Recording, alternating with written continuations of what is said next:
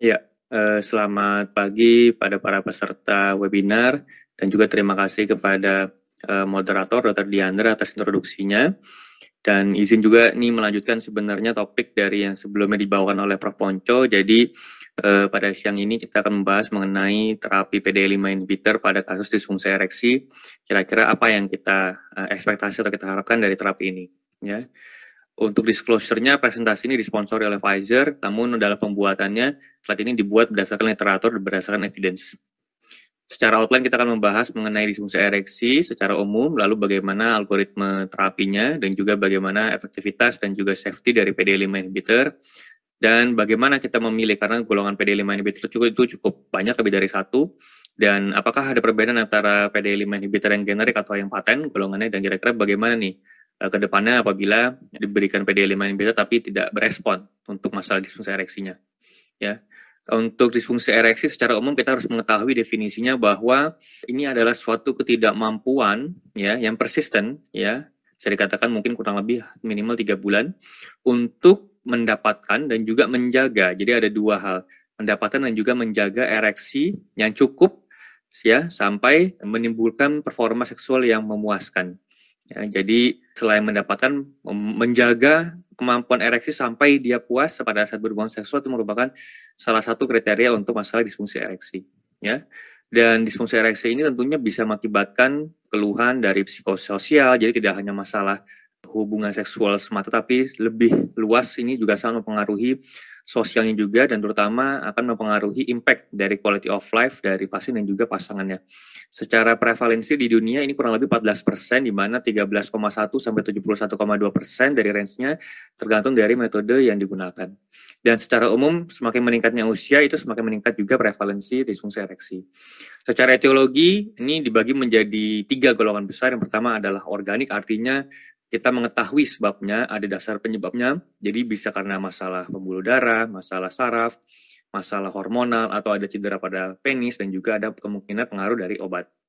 Bisa juga karena psikogenik, artinya ada gangguan dari sisi psikis, misalnya karena ada depresi, kecemasan, ada juga misalnya ada hubungan relationship yang tidak baik dengan pasangan maupun dengan teman kerja atau mungkin uh, kolega, dan juga Tentunya hal ini bisa dikatakan menjadi suatu lingkaran setan. Karena begitu uh, suatu pasien atau pria ini mengalami arupa ini kadang dia akan disertai dengan gangguan psikogeni karena sudah mulai depresi lalu dia akan mengitar semakin parah lagi organik ya.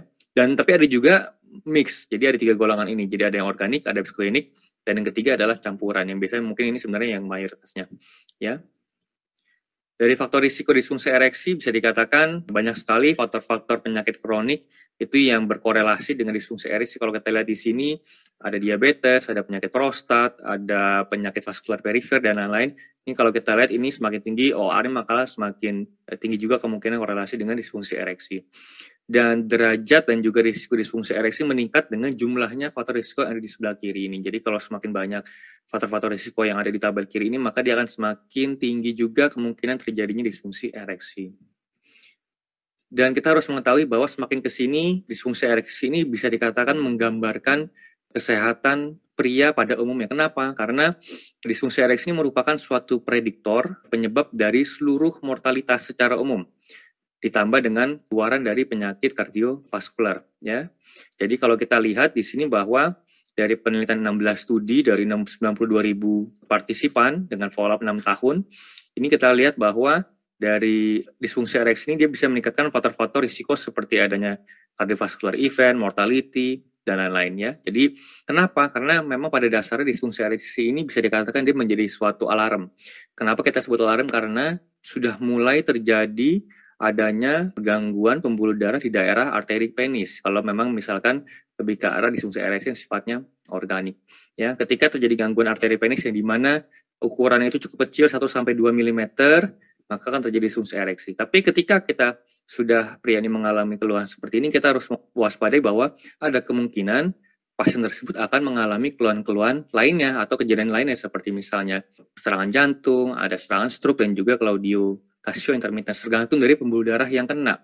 Ya, jadi kalau sudah ya pembuluh darah arteri penis ini sudah kena, berarti ada kemungkinan juga makin lama apabila tidak diperbaiki faktor-faktor risikonya seperti hipertensi, gula dan lain, kemungkinan besar akan mengalami keluhan-keluhan atau kejadian yang ada di sebelah kanan ini. Ya, dan kalau kita lihat bahwa disfungsi ereksi ini memang secara umum sampai saat ini ini merupakan suatu keluhan yang tidak terdiagnosis dengan baik dan juga tidak tertangani dengan baik. Ya, jadi kalau kita lihat sini banyak sekali proporsi pria yang cukup besar proporsinya itu mengalami disfungsi ereksi, sifatnya penanganannya sangat delay atau bahkan menghindar untuk mendiskusikan kepada dokternya. Ya, jadi kalau kita lihat penelitian ini ada hanya ada 25% ternyata dari pria yang ternyata dia sebenarnya memiliki disfungsi ereksi itu tidak hanya 20% yang mengobati datang ke dokter dan uh, hanya 16% pria juga yang mendapatkan terapinya. Dan kalau kita lihat secara adherence-nya, secara compliance ternyata range cukup luas nih, tapi kalau kita lihat bahwa ada angka 4,4% ya jadi ini sangat kecil sekali untuk kepatuhan dari pasien pria dengan disfungsi ereksi untuk menjalani pengobatannya. Ya. Jadi memang bisa dibilang underdiagnosed dan juga undertreated. Ya, kalau kita lihat secara algoritma eh, penanganan disfungsi ereksi dari EAU 2022 dari European bahwa memang secara umum kita harus melihat secara holistik. Ya, jadi kita harus menilai dari sisi historinya bagaimana, apakah ada penyakit-penyakit medis yang lain yang bisa menjadi suatu faktor risiko atau komorbid dan juga tentunya kita harus melihat bagaimana lifestyle dari pasien tersebut. Apabila memang misalkan lebih cenderung sedenter ataupun jarang berolahraga, tentunya kita harus senantiasa mengedukasi dengan baik bila mana perlu kita uh, bekerja sama dengan uh, spesialis lainnya, misalnya apakah dengan gizi klinik atau mungkin dengan kedokteran olahraga. Dan kalau kita lihat di sini memang ini menjadi suatu pondasi utama dalam hal penanganan disfungsi ereksi. Setelah kita mengetahui tentunya kita harus mengubah penyakit-penyakit atau komorbid tersebut, baru kita memasuki mencoba pengobatan yang memang spesifik uh, di bidang uh, masalah ereksinya. Di sini kalau kita lihat memang ada pengobatan uh, PDE5 inhibitor secara oral, ada yang dengan alprostadil ya dengan masukan di uh, dalam uretra, ada injeksi intracavernosa, ada foam device dan juga ada SWT. Jadi kalau kita lihat memang di sini setara tapi sebenarnya kalau dibaca secara detail bahwa terapi PDE5 inhibitor ini secara oral ini masih merupakan suatu first line dari seluruh terapi yang ada di uh, guideline ini. Jadi bisa dikatakan ini menjadi suatu uh, pintu masuk ya dalam hal terapi. Jadi ini sebagai first line ya. Jadi kalau misalnya secara terapi oral ini cukup baik, maka sebenarnya kita bisa katakan bahwa terapi disfungsi ereksi ini sudah cukup berhasil tergantung nanti bagaimana kita diskusi dengan pasien dan juga pasangannya goalsnya seperti apa, targetnya seperti apa dalam hal uh, mencapai hubungan seksual yang diharapkan. Ya. Secara prinsip-prinsip memang di terapi disfungsi ereksi ini kalau bisa kita lihat poin-poin yang penting yang akan kita coba jabarkan adalah yang pertama ada tentunya tadi seperti yang saya bilang bahwa apabila kita mengetahui penyebab disfungsi ereksi itu kita tangani. Misalnya apabila tadi ada gangguan pembuluh darah karena masalah gula, kolesterol, hipertensi, maka kita senantiasa harus mengkoreksi ini. Dan yang kedua yang paling penting tadi saya bilang bahwa gunakan PDE5 inhibitor ini sebagai first line terapi opsinya ya.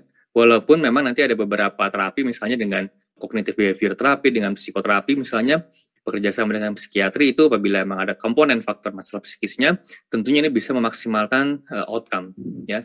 Dan beberapa hal misalnya masalah lifestyle, masalah faktor risiko lainnya tentunya ini harus dikerjakan senantiasa. Jadi bahkan malah sebelum ya atau mungkin pada saat yang bersamaan pada saat kita memulai terapi dengan misalnya dengan PD5 inhibitor ya. Dan apabila pada pasien-pasien yang mungkin ini juga agak sedikit nice to know, mungkin pada pasien yang menjalani radikal prostatektomi pada kasus-kasus prostat cancer, maka hal ini harus didiskusikan mengenai perubahan seksual eh, yang akan terjadi. Biasanya dia akan karena ada gangguan masalah persarafan dan juga pembuluh darah pasca uh, tindakan uh, radikal prostatektomi. Jadi memang dikatakan bahwa pemberian terapi yang sifatnya proarektal bahkan ini bisa diberikan secepat mungkin. Jadi tidak perlu menunggu sudah terjadi disfungsi ereksi baru diberikan ya. Bahkan ada beberapa protokol yang uh, memberikan terapi sebelum operasi. Dan bagaimana sih kita bisa memberikan pilihan terapi yang benar yang tepat ya? Tentunya ada beberapa hal yang mesti kita pertimbangkan. Yang pertama adalah dari sisi karakteristik uh, personal itu sendiri. Misalnya dari usia pasien dari durasinya disfungsi ereksi apakah sudah sangat lama bagaimana frekuensi dan juga dinamika dari berhubungan seksualnya. Karena ini sangat penting terutama poin ketiga ini yang nanti akan kita bahas ya dan juga bagaimana karakteristik dari partner ya pasangannya usianya. Apakah sudah menopause? Apakah mungkin sebenarnya juga ya perempuannya juga istri juga nggak terlalu interest masalah hubungan seksual karena mungkin sudah cukup tua atau mungkin malah masih seger-segernya tanda kutip ya. Dan juga bagaimana setelah kita memberikan terapi misalnya antara pada pria maka kita harus mengetahui bagaimana responnya efikasinya bagaimana kualitas ereksinya bagaimana, konsistensi dari efeknya apakah bagus, dan juga nanti pertimbangan diskusi mengenai onset dan juga durasi. Karena berbeda obat PD5 inhibitor, berbeda juga masalah onset dan juga durasi kerjanya. Dan nanti juga kita lihat juga bagaimana efek samping dan juga e, cara pemberiannya dan juga tentunya nanti dari sisi pasien itu sendiri bagaimana masalah biayanya. Ya.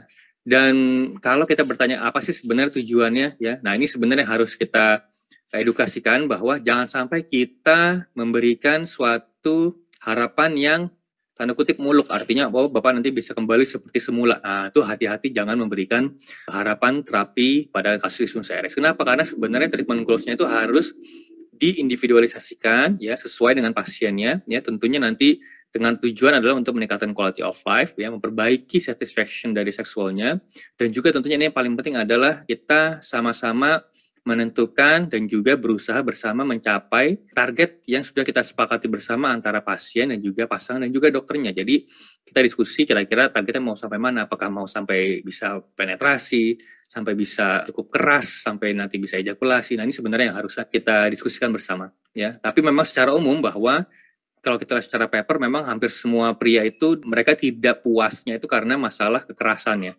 yang memang dikatakan nanti ada skor bahwa ada empat skor namanya adalah erection hardness score di mana empat ini adalah yang paling bagus seperti timun ya kalau nomor satu itu seperti tahu ya kekerasannya maka dikatakan bahwa EHS 4 ini secara penelitian ini sangat terbukti ini bisa meningkatkan self esteem percaya diri dan juga secara satisfaction dan juga hubungan seksual relationship itu bisa membaik ya jadi memang ujung-ujungnya setelah EHS ini maka adalah sexual satisfaction sebagai final goals-nya. Dan kalau kita lihat tadi kan memang ada bahwa uh, compliance dari pasien itu sangat buruk pada kondisi atau terapi-terapi disfungsi ereksi ini. Kenapa penyebabnya? Kalau kita lihat ada beberapa ini penelitian cukup menarik bahwa ternyata mungkin ada yang masih ragu-ragu itu secara safety-nya mungkin takut obat kuat itu bahaya nih kurang lebih 8,7 persen atau mungkin ternyata masih sebenarnya ereksinya masih bagus ya 14,4 persen atau misalnya ada faktor psikososial mungkin merasa oh, ini beban psikis sangat berat itu 17,5 persen ada masalah biaya ya ada juga tentunya masih merasa ini tidak efektif itu kurang lebih 36,8 persen jadi sebenarnya walaupun dalam hal masalah tidak efektif ini ini harus senantiasa kita jangan sebagai dokter jangan uh, putus semangat ada kemungkinan juga mungkin cara pengobatannya, cara minumnya nggak bagus, atau mungkin juga minumnya sudah bagus tapi tidak diberikan stimulus. Nah itu sebenarnya juga salah, ya. Jadi kembali bahwa dari guideline EAU penggunaan PDL inhibitor ini sebagai first line ini dikatakan bahwa secara strength evidence-nya itu sangat kuat. Ya dikatakan bahwa PDL inhibitor ini merupakan suatu terapi first line yang sifatnya tidak invasif, efektif dan juga well tolerated. Artinya secara umum sebenarnya cukup aman, efek sampingnya minimal ya dan juga kalau kita lihat bahwa dari penelitian lebih dari 74% pria itu dengan disfungsi ereksi itu misalnya dia sudah mencoba beberapa treatment nggak hanya obat-obatan oral PDE5 inhibitor mungkin vakum mungkin SWT ini ternyata lebih dari 70% ini masih suka ya tanda kutip suka uh, preferensinya sangat kuat dengan penggunaan obat-obatan oral ini dibandingkan dengan obat-obatan lainnya. Mungkin secara praktis minum obat uh, langsung bisa berhubungan ya dibandingkan dengan alat misalnya, dengan vakum itu kan mungkin memang uh, butuh skill sebenarnya ya dalam hal penggunaannya butuh latihan ya. Dan kalau kita lihat mungkin sebagai refreshing, kita ketahui bahwa bagaimana sih cara kerja PDL5 inhibitor ini? Tentunya ini berhubungan dengan enzim, enzim namanya CGMP, di mana CGMP ini ini dihasilkan apabila terjadi suatu stimulus seksual, ya. Bisa dengan penghidup, penciuman, ya. Dengan imajinasi misalnya. Ini akan mengeluarkan uh, transmitter nitric oxide, lalu akan mengaktifasi sintesis CGMP Nah, CGMP ini nanti akan mengakibatkan terjadinya relaksasi otot polos sehingga terjadi ereksi, ya. Dan tugasnya PDL5 inhibitor ini adalah supaya menjaga CGMP ini tidak berubah menjadi 5-GMP, supaya tin, eh, secara kandungan ini tetap tinggi. Ketika ini berubah, maka akan terjadi suatu kondisi yang flasid. Hal yang perlu kita ketahui bahwa di sini membutuhkan stimulus seksual. Ya, jadi jangan harap dengan penggunaan obat ini pasien langsung bisa ereksi tegak tanpa di, diberikan stimulus tidak. Ya jadi tetap harus setelah minum obat harus diberikan stimulus seksual baru obat ini bisa akan bekerja. Ya. dan bagaimana evaluasinya? Tentunya ada beberapa hal. Yang pertama yang paling gampang tentunya dengan subjektif ya efikasinya tanya saja kepada pasien kira-kira lebih uh, suka nggak dengan obat ini? Mantap nggak? Efeknya bagus atau tidak? Ya. Yang kedua uh, puas nggak pasangannya? Ya. Yang ketiga kira-kira butuh berapa pil nih kira-kira hmm, atau satu pil itu sudah berapa kali dia sukses dalam hal intercourse? Apakah setiap penggunaan pil itu dia selalu sukses atau mungkin ya dari lima kali coba mungkin hanya cuma satu yang sukses? Nah itu sebenarnya kita menjadi hati-hati bahwa ada kemungkinan memang mungkin secara efektif dia cukup rendah ya. Dan bagaimana EHS-nya? Ini cukup gampang karena kita hanya menanyakan nanti e, dari 4, 3, 2, 1 itu ke arah mana dia ereksinya ya. Dan juga bisa juga dibantu dengan kuesioner. Ini ada beberapa pertanyaan. Uh, ada lima pertanyaan ya yang versi singkatnya. Di mana nanti bisa mm, seputar masalah performa dalam seksual. Bagaimana mempertahankan ereksinya apakah seberapa PD-nya ya seberapa puasnya. Ini nanti akan ditanyakan pada kuesioner ini. Walaupun secara objektif mungkin ini diperlukan pada beberapa atau sifatnya penelitian untuk mengukur efektivitas misalnya dengan parameter USG bisa dengan resistance index bisa juga, juga dengan velocity dari peak systolic pada penis dan juga end diastolic ya. Dan ini tadinya mungkin sudah saya sering sebut-sebut apa sih EHS EHS itu? Nah EHS itu adalah ada empat skor. Yang empat ini adalah yang seperti ini bagus ya. Paling bagus ini timun kekerasannya. Tiga ini seperti pisang tapi belum dikupas. Yang nomor dua pisang tapi sudah dikupas. Yang satu ini adalah tofu. Jadi ini yang paling jelek, ini yang paling bagus. Bisa dikatakan memang bahwa kalau angka 4 ini bisa dikatakan 92% dia bisa uh, sexual intercourse yang sukses. Kalau yang tiga dia mungkin hanya 80%. Ya, begitu juga nanti ada juga skor IF, F ya. Nah, ini kalau makin tinggi angkanya maka makin bagus, makin rendah makin jelek skor IF-nya, ya. Dan kalau tadi kita lihat bahwa PD5 inhibitor itu kan tadi kita lihat bahwa penggunaannya itu tergantung dari aktivitas seksual bagaimana, durasinya bagaimana. Nih, sebenarnya ini ada beberapa banyak sekali tipe-tipe PD-LM inhibitor. Ada sildenafil, ada tadalafil, vardenafil, dan juga tadalafil. Ya. Dan secara ini adalah obat-obatan tersedia di Indonesia dan kita ketahui bahwa ada dua golongan besar. Jadi ada yang sifatnya on demand, artinya pada saat dibutuhkan untuk berhubungan dia baru minum, atau yang mungkin hampir tiap hari, tiap hari diminum gitu ya. Nah ini ada beberapa tipe-tipenya nanti kan kita bahas eh, kira-kira yang mana sih sebenarnya yang bagus pada kondisi apa. Yang perlu kita perhatikan bahwa di sini adalah uh, yang paling penting onsetnya. Jadi kalau misalnya onsetnya 30 sampai 60 menit maka dibutuhkan 30 sampai 60 menit sebelum berhubungan. Dia harus minum ya. Kalau tadalafil ya berarti kemungkinan 30 menit, pada tadalafil 30 menit sebelum berhubungan ya. Dan ini adalah half life. Half itu artinya seberapa lama dia nanti obat itu bisa bertahan di dalam tubuh ya. Golongan sildenafil ini merupakan golongan yang dia bisa uh, mencuat efeknya tinggi sekali tapi short acting tapi dia langsung alpha langsung rendah seketika ya. Jadi mungkin secara efek samping dia tidak terlalu lama. Apabila ada efek samping dia tidak terlalu lama untuk dirasakan oleh pasien ya. Nah, bagaimana kita memilih dari beberapa PDE5 inhibitor itu? Tentunya nanti kita tanyakan juga bagaimana frekuensi berhubungannya, durasinya mau seberapa lama, ya, dan juga tentunya pengalaman kepada pasien itu gimana. Apabila misalnya oh dia udah pernah nyoba Cialis nggak mempan dok, oh udah berarti kita jangan jangan mungkin Cialis itu masih merupakan suatu nanti alternatif yang terakhir. Mungkin bisa kita ganti dengan sildenafil atau mungkin dengan yang lain ya.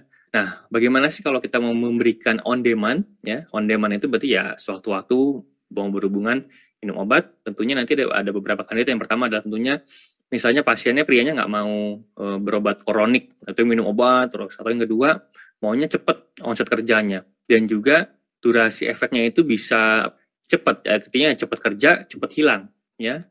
Dan juga mungkin lebih tipikal yang suka yang berhubungan seksual itu terjadwal ya. Dan juga mungkin secara frekuensinya tidak terlalu uh, sering mungkin seminggu banyak sekali atau mungkin uh, seminggu dua kali ya. Nah kalau kita lihat ini adalah satu penelitian yang cukup menarik di tujuh negara dengan 1.500 responden dari survei ini ini menggambarkan bagaimana habit seksual dari pria ya yang dengan disfungsi ereksi yang menggunakan obat PD5 inhibitor.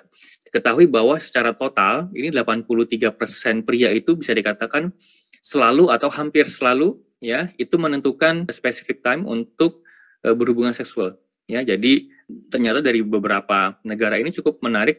Ternyata 83% itu terjadwal.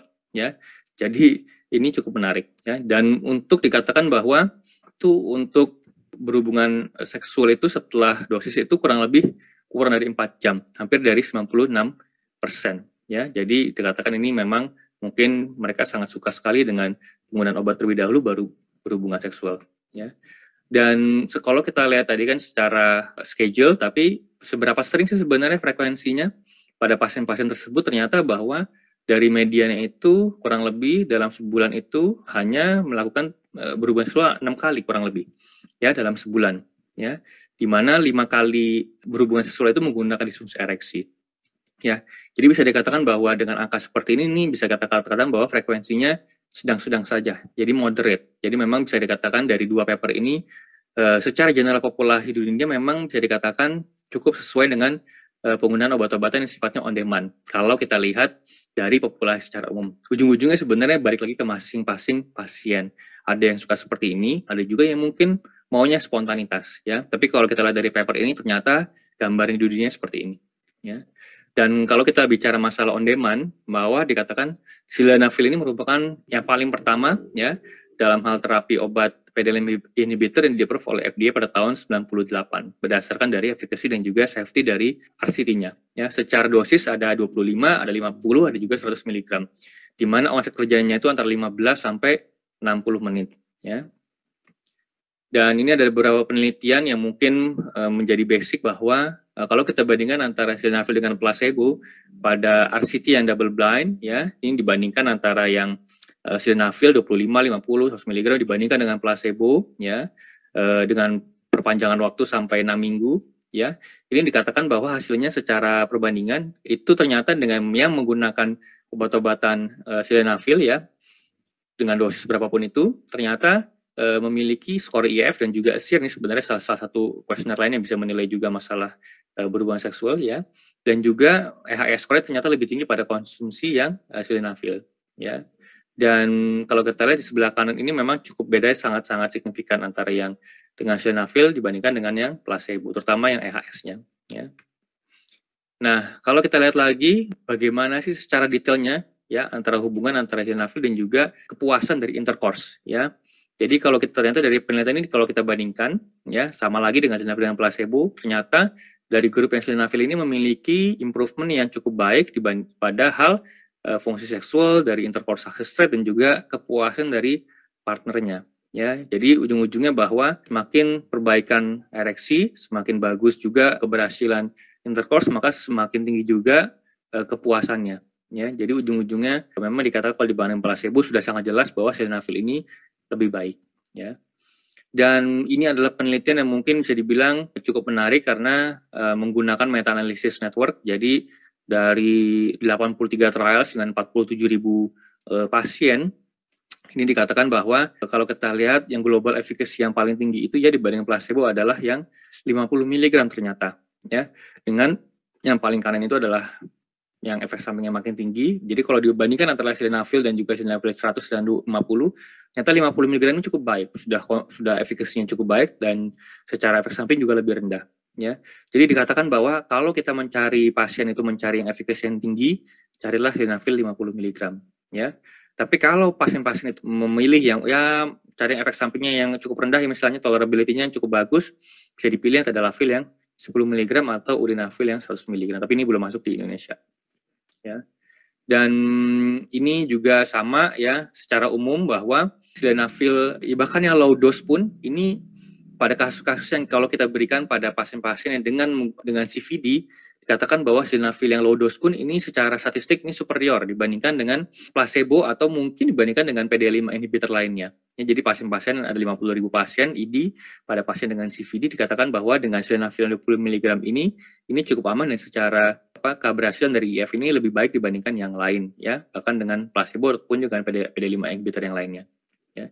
Dan kalau tadi kita lihat mungkin secara kuesioner, subjektivitas, bagaimana sih ada nggak penelitian yang membandingkan dengan masalah parameter dari USG? Ya, kalau kita lihat ini ternyata dengan uh, penggunaan obat-obat PD5 inhibitor ini dikatakan bahwa uh, terjadi uh, peningkatannya secara penelitian bermakna ya secara IEF pada semua grup pasien yang menggunakan PD5 inhibitor ya. Walaupun dari semua uh, sildenafil 50, 100, ada lafil 20 mg, sildenafil 20 mg ternyata hanya pada golongan sildenafil yang dengan 50 dan 100 mg ini terjadi peningkatan peak systolic velocity ya kalau kita lihat dari parameter WSG-nya. Dan ini mungkin ada yang sering bertanya bagaimana sildenafil ini kira-kira aman nggak sih pada pasien-pasien yang dengan komorbid misalnya dengan diabetes, dengan depresi, hipertensi ya dan lain-lain. Ternyata ini cukup aman, cukup aman dan secara efikasi cukup baik dibandingkan dengan uh, placebo ya. Dan bagaimana sih safety profile dari PD5 inhibitor untuk disfungsi ereksi? Jadi kalau kita lihat bahwa secara umum ini bisa dikatakan cukup safe dan well tolerated bahkan pada pasien-pasien yang usianya lebih dari 75 tahun. Jadi ini tidak ada perbedaan bermakna antara uh, sildenafil dan juga uh, placebo. Ya, jadi bisa dikatakan ini secara umum usia mau dia tua, mau dia lumayan muda, ini ternyata tidak tidak berbeda bermakna dari sisi efek sampingnya. Ya. Dan kalau kita lihat bahwa uh, eh, PD5 inhibitor ini malah sebenarnya secara umum itu malah secara penelitian bisa mengurangi kemungkinan uh, kematian akibat dari uh, all cause mortality. Ya, jadi ini secara umum dibandingkan dan walaupun kita balik lagi secara prinsip harus mengetahui bahwa sebelum memberikan terapi disfungsi ereksi, kita harus mengetahui tentunya mengidentifikasi apakah ada risiko-risiko di bidang kardiovaskular karena sebenarnya kalau ada gangguan masalah jantung maka kita harus mengetahui bahwa pada yang golongan-golongan yang risiko sedang atau tinggi ini harus kita konsulkan e, mungkin ke kardiologis untuk menilai dan juga menstabilisasi kondisi terlebih dahulu ya gimana sih risiko rendah sedang tinggi ini berdasarkan dari konsensus Princeton. Jadi kalau kita lihat bahwa kalau yang low risk itu seperti asimptomatik, kurang dari faktor risikonya kurang dari tiga, dari CAD dan lain-lain. Nah, kalau seperti ini, kita bisa memberikan terapi ini secara langsung dengan PD5 inhibitor, dengan lifestyle intervention. Kalau golongan yang masuk ke intermediate, seperti ada di tabel ini, maka ini membutuhkan suatu tes terlebih dahulu, yaitu dengan stress test, ya, exercise, dan bila mana perlu nanti dinilai dikonsulkan ke kardiologis. Kalau yang high risk, ini sudah jangan, nggak perlu tes-tes lagi, malah justru harus segera dikonsulkan kardiologis dan juga di defer, artinya bisa mungkin diedukasi menahan dulu untuk tidak melakukan tindakan atau berhubungan seksual. ya. Dan untuk terapi disfungsi ereksinya diberikan setelah asesmen dari kardiologi itu selesai. Mungkin setelah kondisi stabil baru kita bisa berikan. Ya. Jadi kalau kita di sebelah kiri ini, ini adalah suatu algoritma untuk assessment dari cardiovascular. Jadi kalau kita ragu-ragu, kita bisa melakukan exercise ability, di mana exercise ability ini merupakan suatu dikatakan seperti uh, naik tangga uh, dua lantai dengan 10 detik cukup cepat, ya, atau jalan satu mile dalam 20 menit. Dan ini sebenarnya kenapa? Karena ini dikatakan ini equivalent terhadap sexual activity, ya, yang tanpa symptoms ya setelah ini dikerjakan maka kita bisa menentukan mereka apakah golongannya rendah apakah golongan intermediate atau high risk. Ya kalau masuk ke golongan yang intermediate maka diperlukan stress test. Stress test itu seperti apa? Ini dengan misalnya dengan protokol treadmill bruce 4 menit ya. Dikatakan normal apabila tidak ada keluhan atau gambaran uh, iskemik pada KG ya uh, dengan 5 match ya. Atau misalnya yang kalau high risk sudah jelas ini pasti nanti akan masuk ke kardiologis secara kita reverse langsung ada juga yang menggunakan uh, tabel normogram seperti ini. Ini sebenarnya cukup menarik. Ini sebenarnya untuk melihat uh, prediksi seberapa persentasenya dalam 10 tahun ke depan untuk mengalami CVD yang fatal. Ya, jadi kalau misalnya usianya misalnya pria ya, pria usianya mm, 60 tahun, lalu dia uh, secara systolic blood pressure-nya itu 140 dan dia merokok, ya maka dia dan secara kolesterolnya ini adalah nilai kolesterol misalnya dia di range-nya angka 200, maka dia akan mengalami 10% kemungkinan terjadinya fatal CVD ya dalam 10 tahun ke depan ya. Jadi kalau ini sebenarnya ini angka-angka kecil ini menggambarkan persentasenya ya. Kalau makin hijau berarti semakin rendah persentasenya. Dan mungkin ada beberapa hal yang mungkin wah dok kok minum minum obat PD5 inhibitor atau obat kuat ini takut ah dengan nanti sakit jantung. Kalau sebenarnya tidak ya. Jadi PD5 inhibitor ini memang ada beberapa hal khusus yang hanya bisa menjadi kontraindikasi itu adalah apabila pasien tersebut mengkonsumsi juga golongan obat nitrat atau nitrogliserin. Ya. Kalau apabila ada pasien juga masih dia menggunakan juga obat darah tinggi yang golongan alpha blocker, maka kita bisa berikan PD5 inhibitor itu dengan low dengan dosis yang mungkin kita mulai dengan dosis paling rendah dulu ya apabila eh, menggunakan uh, antihipertensi yang golongan alpha blocker ya. Kalau ada gangguan masalah ginjal, maka kita juga bisa menggunakan dosis yang lebih rendah terlebih dahulu ya. Dan apabila ada gangguan masalah hepar, ini juga sama ya, kita gunakan dosis yang lebih rendah dulu ya, terutama bila pada pasien-pasien yang sudah mengalami gangguan hepar eh, ringan sampai sedang dengan catatnya kelas A dan B. Kalau sudah masuk ke kelas C, maka kita, kita tidak merekomendasikan untuk pemberian PD5 inhibitor. Efek samping bagaimana secara umum ringan dan temporer ya. Jadi hanya tiga persen yang menggunakan tadalas sildenafil ini ini memiliki efek samping yang lebih dari 12 jam ya dibandingkan kalau pada pria yang menggunakan tadalafil itu sampai 30%. Kalau ini hanya 3%, ini 30% dia mengalami side effect yang lebih dari 12 jam. Ya, side effectnya apa aja kalau masalah dengan sildenafil misalnya seperti pusing, flashing, dispepsia, back pain dan lain-lain. Ya. Dan kalau kita lihat secara cost analisis ya PD5 inhibitor dengan ID bahwa dari cost analisis ini mensugesti bahwa sildenafil ini bisa mengurangi direct cost dibandingkan dengan PD5 inhibitor lainnya. Mungkin secara ya, tadi ya masalah yang daily ada on demand ternyata dari paper ini menyebutkan bahwa cost effectiveness cukup rendah nih kalau kita lihat ya dibandingkan dengan vardenafil atau dengan tadalafil. Dan kira-kira mungkin dok kan sekarang banyak tuh obat-obat generik e, bukan Viagra tapi e, mereknya ya langsung generik sildenafil. Bedanya apa? tentu ada bedanya. Kenapa? Karena obat-obat yang seperti Viagra ini dia merupakan golongan yang originator. Jadi dia membutuhkan studi preklinik, studi klinik yang di mana ini membutuhkan hingga 10 sampai 15 tahun sebelum dipasarkan. Ya, jadi dia memiliki oleh karena itu dia memiliki paten atau periode eksklusif sampai ini expired. Ya, jadi kalau sekarang sudah ada berarti dia sebenarnya patennya sudah expired ya dan e, secara efikasi dan safety-nya sudah sangat jelas dibuktikan dari preklinik sampai post marketing surveillance. Kalau generic bagaimana? Tentunya secara testing preklinik dan klinik ini tidak tidak tidak dilewati. Jadi dia memang secara biaya otomatis lebih murah secara cost obatnya, ya. Dan biasanya ini ya tadi seperti saya bilang dia dipasarkan setelah paten yang dari originator ini sudah expired. Dan usually biasanya ini suatu uh, substitusi, ya dan kalau kita lihat secara apinya itu adalah suatu ingredient dari farmasi yang aktif.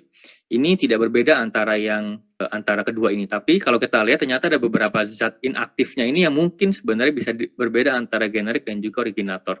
Sehingga bisa ada juga mungkin efek samping yang berbeda atau mungkin bisa menjadi kontraindikasi. Ya. Nah ini kalau kita lihat impurities dari originator dan juga generik PD5 inhibitor, ini secara penelitian ini menunjukkan bahwa dari innovator produk atau dari originatornya itu Viagra dari Pfizer ini memiliki uh, lowest impurity yang paling rendah dibandingkan dengan obat-obat lainnya yang dibandingkan juga dengan generik ya. Dan kalau kita lihat juga apinya ya tadi antara originator dan juga generik ini penelitian ini menunjukkan bahwa obat generik dibandingkan dengan yang innovator produk ini tidak ekuivalen ya dalam hal potensi ternyata ya dibandingkan uh, dan juga dari sisi impurities ya jadi kalau kita lihat ini angka-angkanya nih cukup bervariatif antara Viagra sama yang lain nih ya dan enam produk dari yang ada di atas ini itu secara range ternyata ada yang melewat dari 5%. Bahkan ada satu produk yang dia lewat dari 10%. Jadi sebenarnya ini kalau udah 10% secara P-nya ini perbedaannya maka ini sebenarnya tidak bisa diterima sebenarnya untuk pasien. Mungkin secara efektivitasnya akan berkurang ya, seperti yang ini nih ya. Dan mungkin yang yang berikutnya juga kalau kita sudah memberikan obat secara tepat kok tapi kok belum respon-respon tentunya kita jangan patah semangat. Ada kemungkinan juga sebenarnya beberapa hal yang mesti kita evaluasi ya misalnya secara mungkin komorbidnya belum dikoreksi mungkin penggunaannya juga masih salah ya. Misalnya secara menit atau waktu hanya lima menit sebelum berhubungan atau mungkin tidak diberikan stimulus atau mungkin masalah salah diagnosis atau mungkin ada juga masalah psikologis yang masih lebih berat ya. Jadi kalau ini sudah di, di, di, dievaluasi maka kita bisa melihat bisa evaluasi lagi atau terlaksana berikutnya mungkin dengan pengobatan yang baru ganti obat atau dicoba lagi retrial lagi atau nanti dikoreksi komorbidnya bagaimana, kalau ada masalah testosteron akan dikoreksi, ya. Bisa juga di switch atau dikombinasi mungkin dengan golongan lainnya. Atau mungkin bisa kita oh ternyata dia lebih sukanya yang daily PD5 inhibitor itu juga bisa ya. Dan juga tentunya kita bisa kerjasama dengan psikoseksual mungkin dengan psikiatri ya. Dan mungkin sebenarnya secara garis besar tadi kan masalah oral PD5 inhibitor tapi sebenarnya dari penelitian yang lain atau dari terapi yang lain itu sangat banyak misalnya dengan vakum, dengan injeksi intrauretra, dengan injeksi intrakavernosa, dan proses penis. Nah, ini sebenarnya sangat bervariatif, namun bisa dibilang ini ada plus minusnya sendiri, dan secara satisfaction rate juga sangat-sangat bervariatif. Walaupun memang untuk proses penis ini bisa dikatakan ini sangat tinggi sekali satisfaction rate-nya. Apabila sukses artinya tidak ada infeksi pasca tindakan. Tapi kembali lagi ini menjadi salah satu atau bukan satu-satunya terapi yang bisa menjadi last option, jadi paling terakhir ya bila pada pasien-pasien yang mungkin tidak berespon pada semuanya dengan obat-obatan yang sebelumnya. Dan juga makin ke sini makin banyak terapi regeneratif yang tadi mungkin kalau sebelumnya itu sifatnya simptomatik tapi ada beberapa terapi regeneratif yang berusaha untuk mengembalikan uh, mekanisme yang salah ya. Jadi istilahnya dia menyembuhkan ya. Jadi misalnya dengan SWT walaupun ya SWT ini bisa dikatakan dibandingkan dengan stem cell dan juga platelet plasma ini paling banyak penelitiannya memang dikatakan ini akan menjadi uh, mengubah secara mikro ya, mungkin dari sisi nanti timbul stem cell di dalam sini secara alami dan juga perbaikan saraf, perbaikan otot ya. Dan ini dikatakan bahwa dari EAU penggunaan uh, eh, SWT ini terutama digunakan pada pasien-pasien yang sifatnya vaskulogenik yang mungkin tidak berespon dengan PD5 inhibitor atau mungkin berespon tapi mungkin berusaha untuk melepas obat atau sebenarnya sebagai alternatif dari first line terapi. Jadi sebenarnya makin ke sini makin uh, terapi itu semakin uh, bervariatif.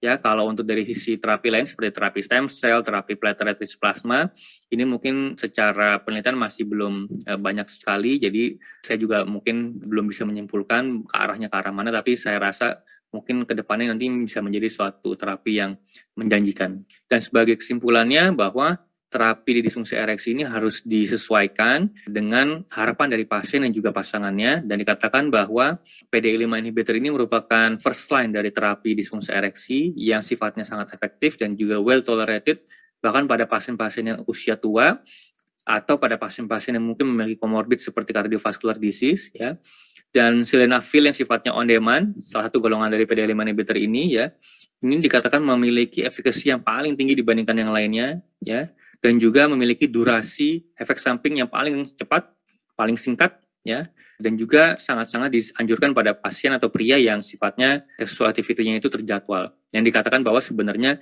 ini merupakan 80% lebih dari pasien eh, dengan DE itu memiliki kebiasaan itu adalah terjadwal.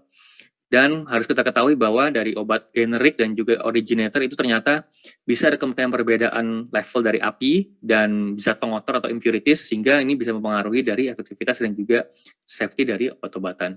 Saya rasa demikian, mudah-mudahan bermanfaat untuk kita semua. Nah, terima kasih.